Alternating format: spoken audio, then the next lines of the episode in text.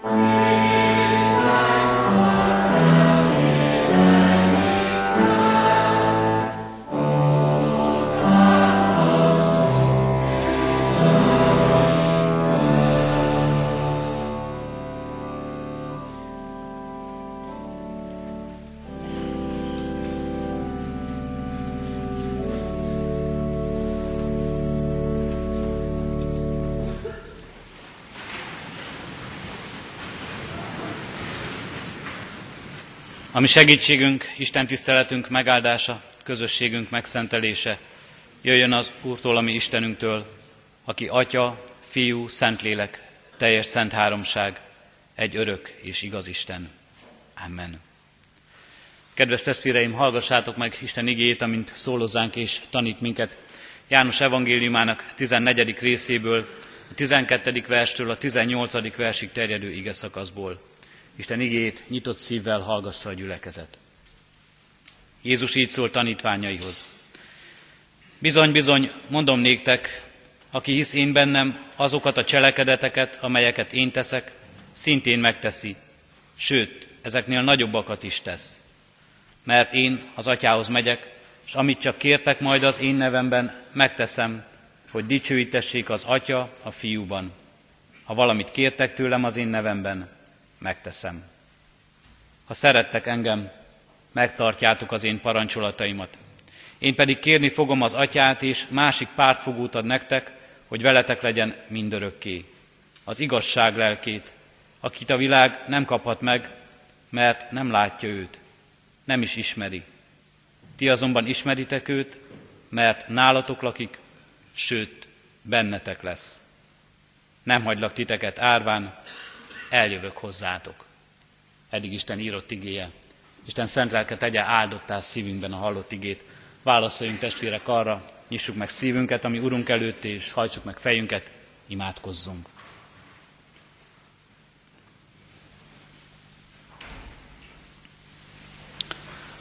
Atya, Fiú, Szentlélek, Úristen, megállunk előtted, Urunk, és kitárjuk előtted életünket.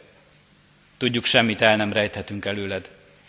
Te jól látod minden gondolatunkat, jól ismered minden érzésünket, ismered vágyainkat, ismered kétségeinket, ismered kísértéseinket, látod elbukásainkat. Urunk Istenünk, még ha mások elől el is leplezhetnénk sok mindent, még ha magunk elől sok mindent el is rejtünk, nem akarunk róla tudomást venni, lelkünk mélyébe zárjuk azt, Urunk Istenünk, Te előled semmit nem rejtegethetünk.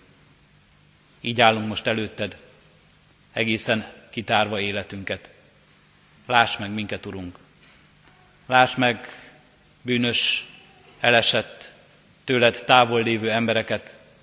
Láss meg minket, Urunk, mindabban, hogy mennyire igaztalan, szentségtelen az életünk.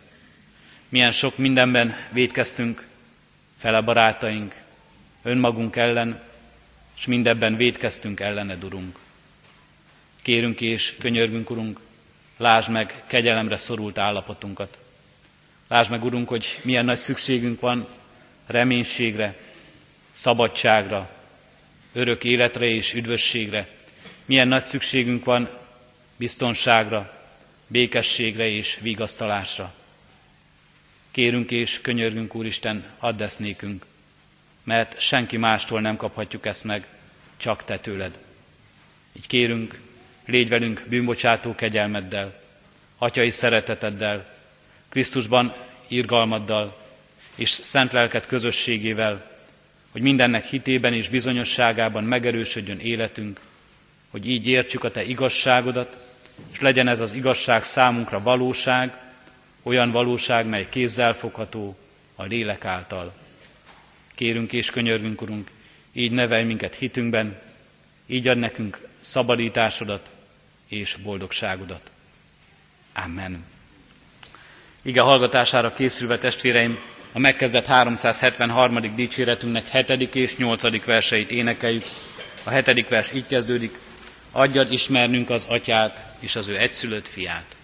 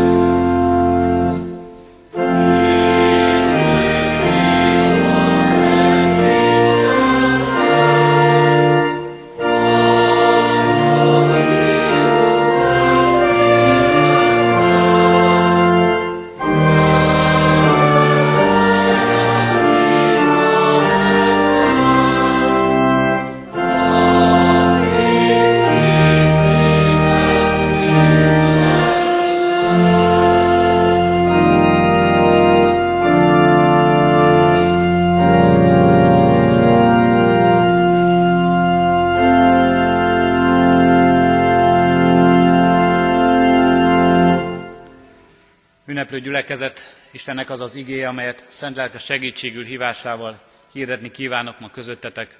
Írva található a már felolvasott igerészben, János evangéliumának 14. részében, a 16. versben, eképpen. Én pedig kérni fogom az atyát, és másik pártfogót ad nektek, hogy veletek legyen mindörökké. Eddig az írott ige.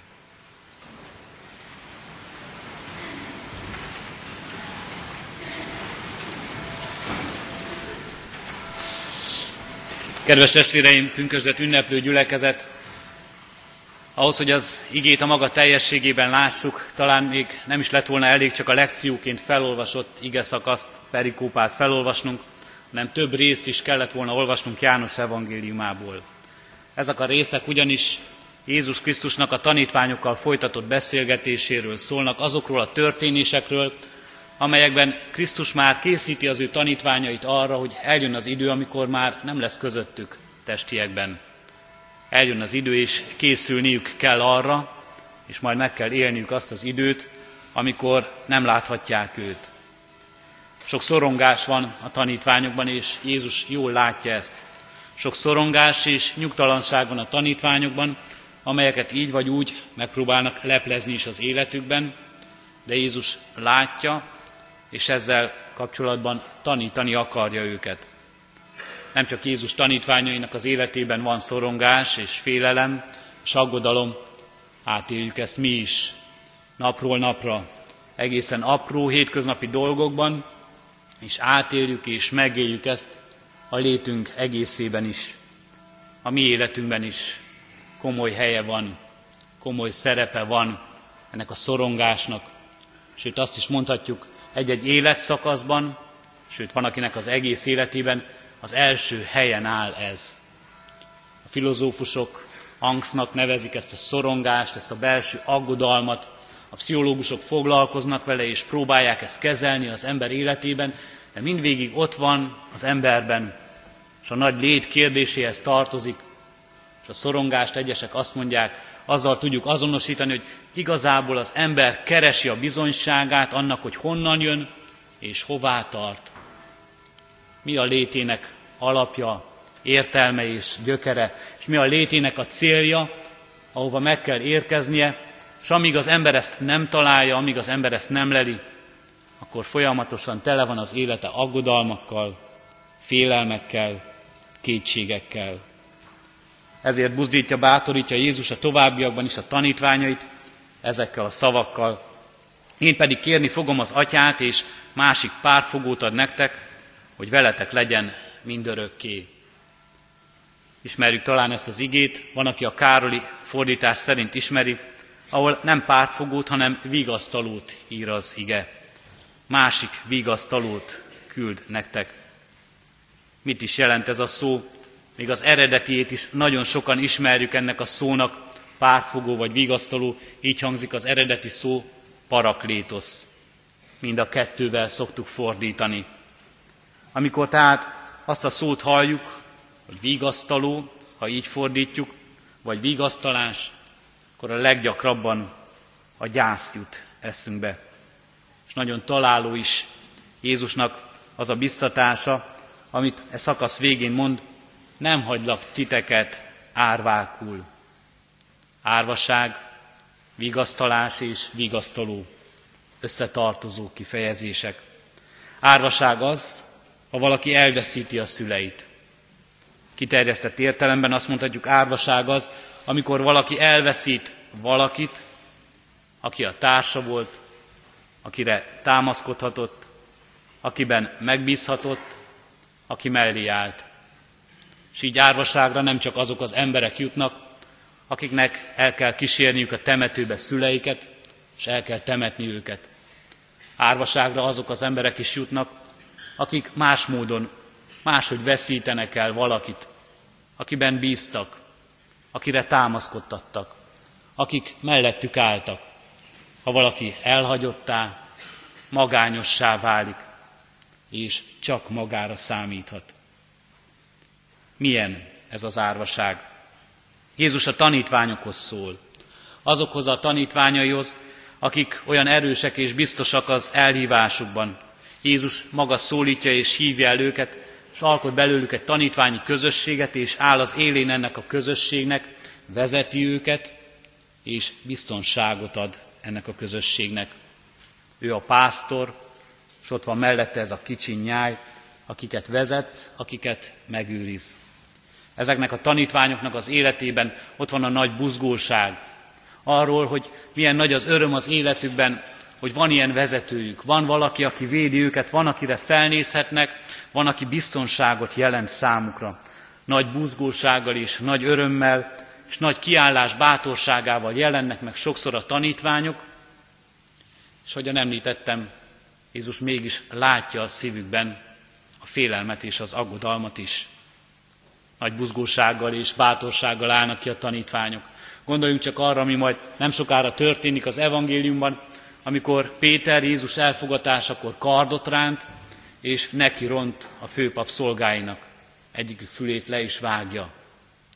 Íme az emberi erő, a bátorság, az emberi igazság igazolása a fegyver által.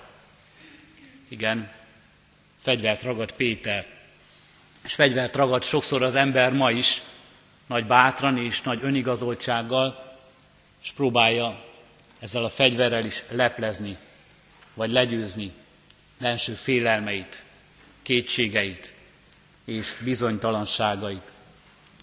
A tanítványok azért, mert félnek és aggódnak, versengenek egymással is. Zebedeus fiainak kérése, ki lesz az első majd a mennyek országában, kérdezik Jézust, és egymással versengenek, hogy ki és hogyan és miért lehet az első az Isten előtt. Nagy félelemről árulkodik ez a tanítványok életében. És nagy félelemről árulkodik a mi életünkben is, amikor elsők szeretnénk lenni, legyőzni mindent és mindenkit, hogy mi mondjuk meg, mi igaz és mi nem, hogy mi határozzuk meg életünket, hogy mi abban jó és mi abban rossz. Tanítványok nagy haraggal és düvel egyszer tüzet kérnek egy falura, amely nem fogadta be őket, amelyekről azt mondják pogányok és istentelenek, és Istentől tüzet kérnek, hogy égesse meg azt az egész falut, a hitetleneket. Milyen bátran, milyen harciasan kelnek ki a tanítványok, és imádkoznak Istenhez. És Jézus azt mondja, nem tudjátok, minémű lélek van bennetek. És ránk is vonatkozik ez. Amikor a hitünket védelmezve, valamilyen igazság mellett kiállva, másokat elutasítva, másokat istentelennek, hitetlennek, pogánynak bélyegezve, valójában a saját kétségeinket, bizonytalanságunkat, sértettségünket akarjuk leplezni. A kiállás bátorságával a tanítványok sokszor megjelennek az evangéliumokban, de Jézus jól látja, hogy ott van a szívükben sok kétség, sok félelem, sok szorongás, sok feszültség. Ezért tanítja őket, és ezért biztatja őket, hogy figyeljenek oda, mi vár rájuk. Ahogyan említettük, az árvának lenni a szó legalapvetőbb értelmében azt jelenti, hogy elveszítjük szüleinket. Eszembe jut egy nem is régi beszélgetés egy Biblia körben, ahol egy testvérünk könnyes szemekkel vallotta meg, hogy nemrég 73 évesen kellett árvának lennie. Megtanulnia, mit jelent az egyedül lenni. 73 évesen kellett eltemetnie igazából édesanyját, elbúcsúznia tőle, és most érzi azt igazán, ilyen felnőtt, ilyen idős fejjel, hogy lehet az ember árva, lehet az ember egyedül, és egy egészen új érzés ez számára. De nem csak emberi értelemben szabad, és lehet árvaságról szólni. Van ennek egy sokkal nagyobb kitekintése is az életünkben. A transzcendens, a lelki, az örökké való felé, felől vizsgálva is lehet az ember állva. Az az ember, aki a saját maga hibájából, a Biblia szavaival, lázadása miatt, Istentől való elfordulása miatt Isten árva lesz. Mert az ember Isten árva. És az egész élet, amit Isten nélkül tölt, annak minden perce, és percének minden töredéke Isten árvaságban telik az embernek. Ezért mondja azt Augustinus egyházatja, hogy nyugtalan a mi szívünk, amíg te benned, ó Uram, meg nem nyugszik. Ez az árvaság, ez az Isten árvaság kíséri az embert az életében. És ez is nyugtalanságot jelent. Ez az árvaság is társ nélküliséget jelent. Ez az árvaság is azt, hogy azt hozza magával, hogy az ember céltalannak érzi az életét. Sőt, ez az árvaság csak igazán. Mennyivel inkább jelent nyugtalanságot az Isten árvaság, mennyivel inkább jelent végső céltalanságot az Isten árvaság, mennyivel inkább jelent félelmekkel teli életet az Isten árvaság, mint embereket elveszíteni.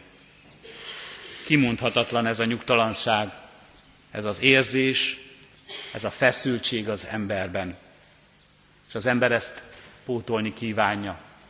Az ember keresi az utat, hogyan és mi módon tölthetné be. Nagyon sokan, akik ezzel foglalkoznak, az emberi lélekkel, azzal, hogy az ember mit miért tesz, azt mondják, hogy az, az egész modern kor emberét ez határozza meg. Ez a nyugtalanság. A modern ember ezért fogyaszt, ezért vásárol, ezért szerez ennyi mindent, mert szeretne a szerzésén, a vásárlásán, a birtoklási, birtoklásán keresztül kötődni valamihez, és magához kötni a világot, magához kötni másokat, kötődni és birtokolni, és biztonságban érezni magát, hogy ne érezze ezt a félelmét, ezt az árvaságát, ezt a kiszolgáltatottságát. Az Isten árva ember úgy akarja ezt a nagy Isten hiányt pótolni, hogy megteszi magát Istennek. A saját maga Istenévé teszi magát.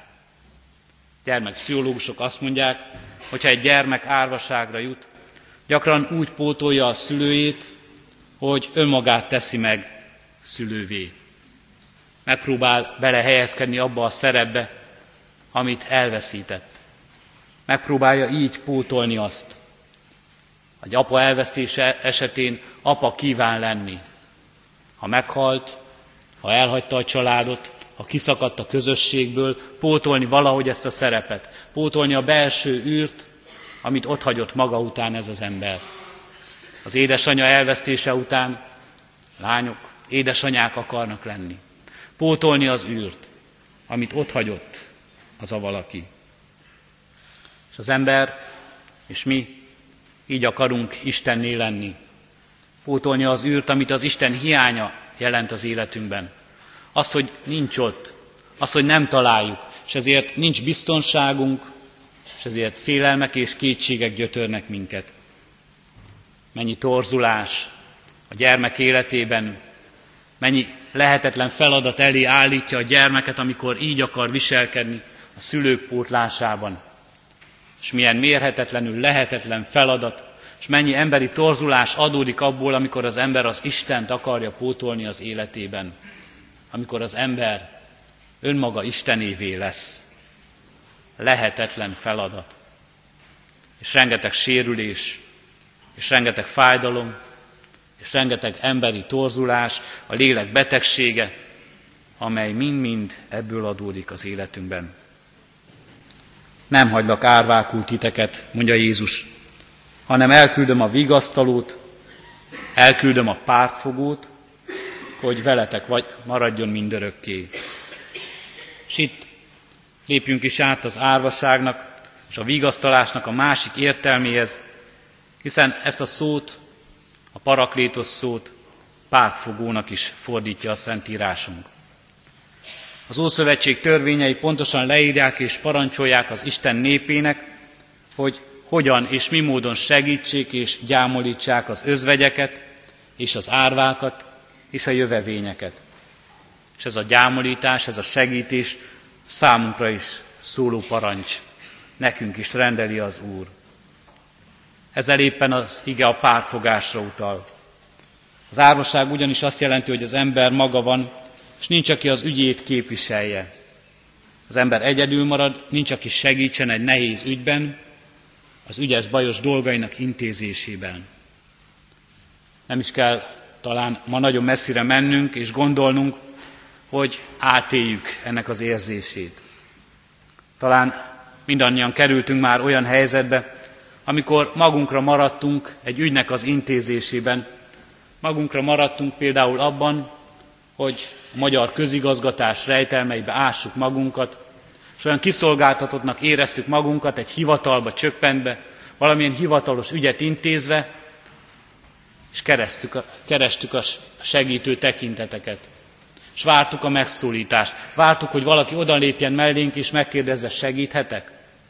Mert teljesen ismeretlen, és teljesen más világ volt számunkra az, amiben el kellett volna igazodnunk, ahol el kellett volna intéznünk ügyes, bajos dolgainkat. A pártfogó a legáltalánosabb értelemben az, aki a pártunkra áll, aki az ügyünkben képvisel minket, mert minket támogat. Ezt a görög szót nyersen, jogi nyelven úgy is lehetne fordítani, hogy ügyvéd. Amikor ugyanis Jézus azt mondja, hogy vigasztalót küldök nektek, pártfogót küldök nektek, a görög paraklétosz szót használva, latinul advokátus, ez a szó azt is jelenti, hogy olyan valakit állít az ember mellé, olyan valakit hív oda, aki az ügyét képviseli, aki szószólója lesz a dolgaiban. Ez a pártfogás. Az ügyvéd védi az ügyemet. Nem csak mellettem áll, nem csak segít nekem, hanem az ügyemet is védi, és védelmébe veszi. Mindazt, amit én képviselek, mindazt, amiben én nekem kellene eljárnom, mindazt, ami én vagyok, az képviseli valaki más. Adi így fogalmazza az egyik versében, Istenre utalva, az én ügyem, a te ügyed. Ami az enyém, az a tiéd. És Jézus azt mondja, hogy elküldöm számotokra ezt a vigasztalót, pártfogót, ezt az ügyvédet. De ennek az ügyvédnek nincs irodája, nincs fogadó órája, nem számít fel óra díjat, nem kell részletesen és alaposan ismertetni vele az ügyem előzményeit, és azt, hogy mit miért tartok abban jogosnak.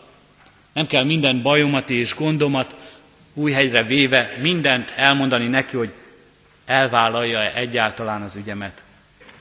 Nem kell megkérdeznem tőle, vállalható-e ez az ügy, és vállalja-e. Azt mondja Jézus, én elküldöm őt hozzátok, mint egy maga helyett, a maga nevében, teljes isteni felhatalmazással küldi az ő szent lelkét, mert a Szentlélekről van szó, aki mindig, örökkön örökké, ahogyan az igében a kereszteléskor hallottuk, a világ végezetéig velünk van, mellettünk áll, vigasztalunk, pártfogunk, ügyvédünk egyszerre, az igazság tanítója, ahogyan azt régen fogalmazták. Ez a Szentlélek. A Szentlélek ez a vigasztaló. A Szentlélek ez a pártfogó. És itt rejlik keresztény emberi életünk egyik nagy titka. És itt rejlik, és ebben rejlik a boldogságunk titka is, hogy minden reményünk megalapozott remény lehet. Tudnélik, velünk van az Isten. Velünk az Isten.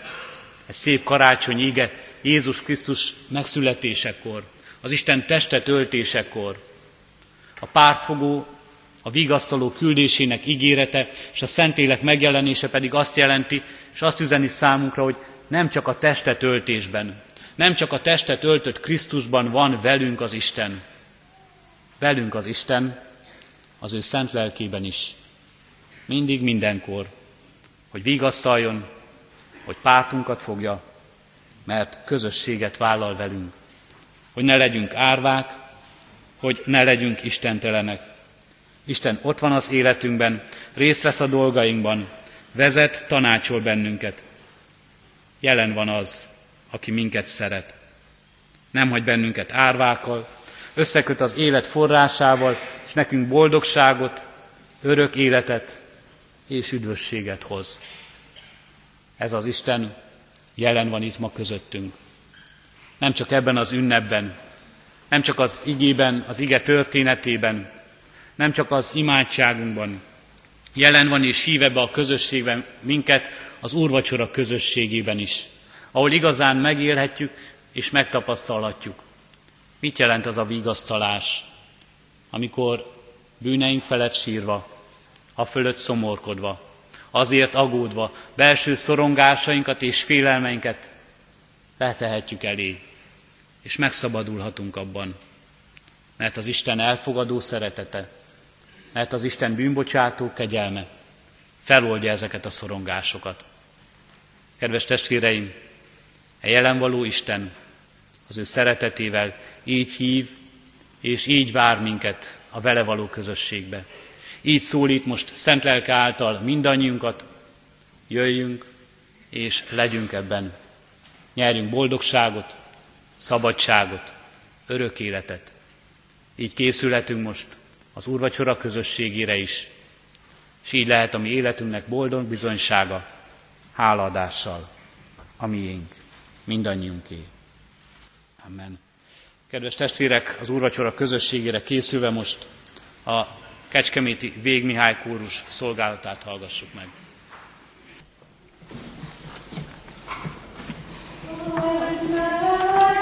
Maria.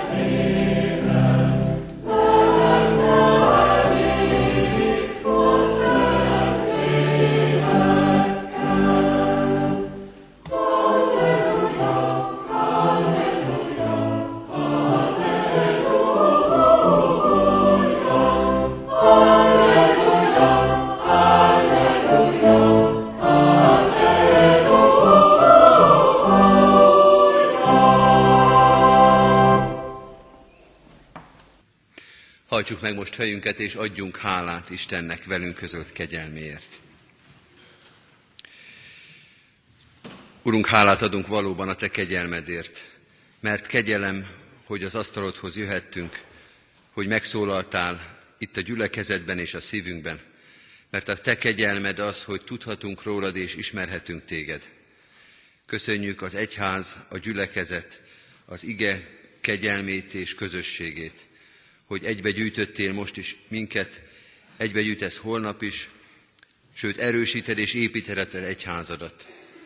Köszönjük a konfirmáció ajándékát. Köszönjük a fiatalokat, akik erre készültek, akik holnap vesznek először úrvacsorát.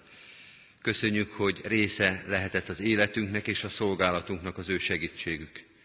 Hálát adunk ezért, különösen úgy és azért, mert tudjuk, mennyire méltatlanok és alkalmatlanok voltunk mindenre. De a te kegyelmed elég volt arra, hogy minket megerősítsen, hogy újabb és újabb fiatalokat hívjon el a te gyülekezetet közösségébe, hogy egy házadnak újabb és újabb szolgálatot adjon. Ezzel a hittel és reménységgel könyörgünk most a keresztet hordozókért, a gyászolókért, a megfáradtakért, a betegekért, vagy a betegségekben aggódókért. Könyörgünk azokért, akiknek az élete most szomorúságból és fájdalomból áll. Hisszük, Urunk, hogy Te ismered a fájdalmainkat, hordozod betegségeinket, légy velünk a próbatétel idején is. Kerest fel azokat gyógyító, vigasztaló igéddel és lelkeddel, akiknek most nagy szüksége van erre. Kerest fel azokat, akik a gyász terhét hordozzák, akik szeretteikért aggódnak, vagy önmaguk küzdenek betegséggel. Légy ott a kórházban, a műtőasztalon, a magányban, a szomorúságban, a fájdalomban. Minden fájdalmunkat és szomorúságunkat eléd visszük, Urunk. Légy segítségül nékünk és szeretteinknek. Könyörgünk a gyülekezet szolgáló közösségéért.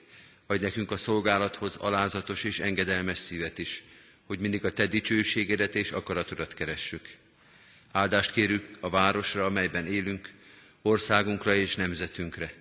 Hiszük, Urunk, hogy minden közösségünk a Te kezedben van. Éltesd és erősítsd közösségeinket, országunkat és nemzetünket. Adj példaképeket, akik alapján tájékozódhatunk, adj Krisztus követést, adj engedelmes szívet, hogy ebben a nagy közösségben is a Te dicsőségedet hirdessük. Nevelj új nemzedékeket, akik ennek az országnak, nemzetnek a javát szolgálhatják hűséggel, álhatatossággal, ahogy azt az előttünk járóktól is tanulhattuk. Könyörgünk minden testvérünkért, itt és a határon túl, az egész emberiségért. Adj nekünk békességet, szeretetet, a pünkösdi lélek kiáradását napról napra, hogy legyőzhessük emberi természetünk gyarlóságait, és a te dicsőségedet hirdethessük szerte a világban. Jézus Krisztusért kérünk, hallgass meg minket. Amen. Az Úrtól tanult imádságot együtt mondjuk el, mi atyánk, aki a mennyekben vagy, szenteltessék meg a te neved.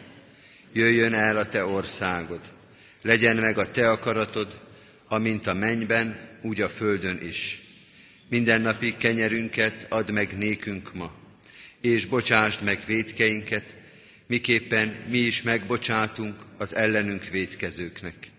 És ne vigy minket kísértésbe, de szabadíts meg a gonosztól, mert tiéd az ország, a hatalom és a dicsőség mindörökké. Amen.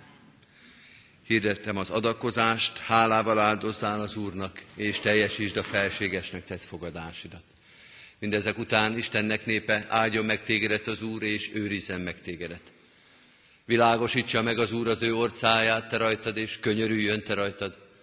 Fordítsa az Úr az ő orcáját, terejád, és adjon békességet néked. Amen. Most pedig, kedves testvérek, záró énekünket énekeljük, a 245. dicséretet. 245. dicséretünk valamennyi verszakát, dicséret a Szent Háromságnak, egy örök Istennek, ki Ura mindennek.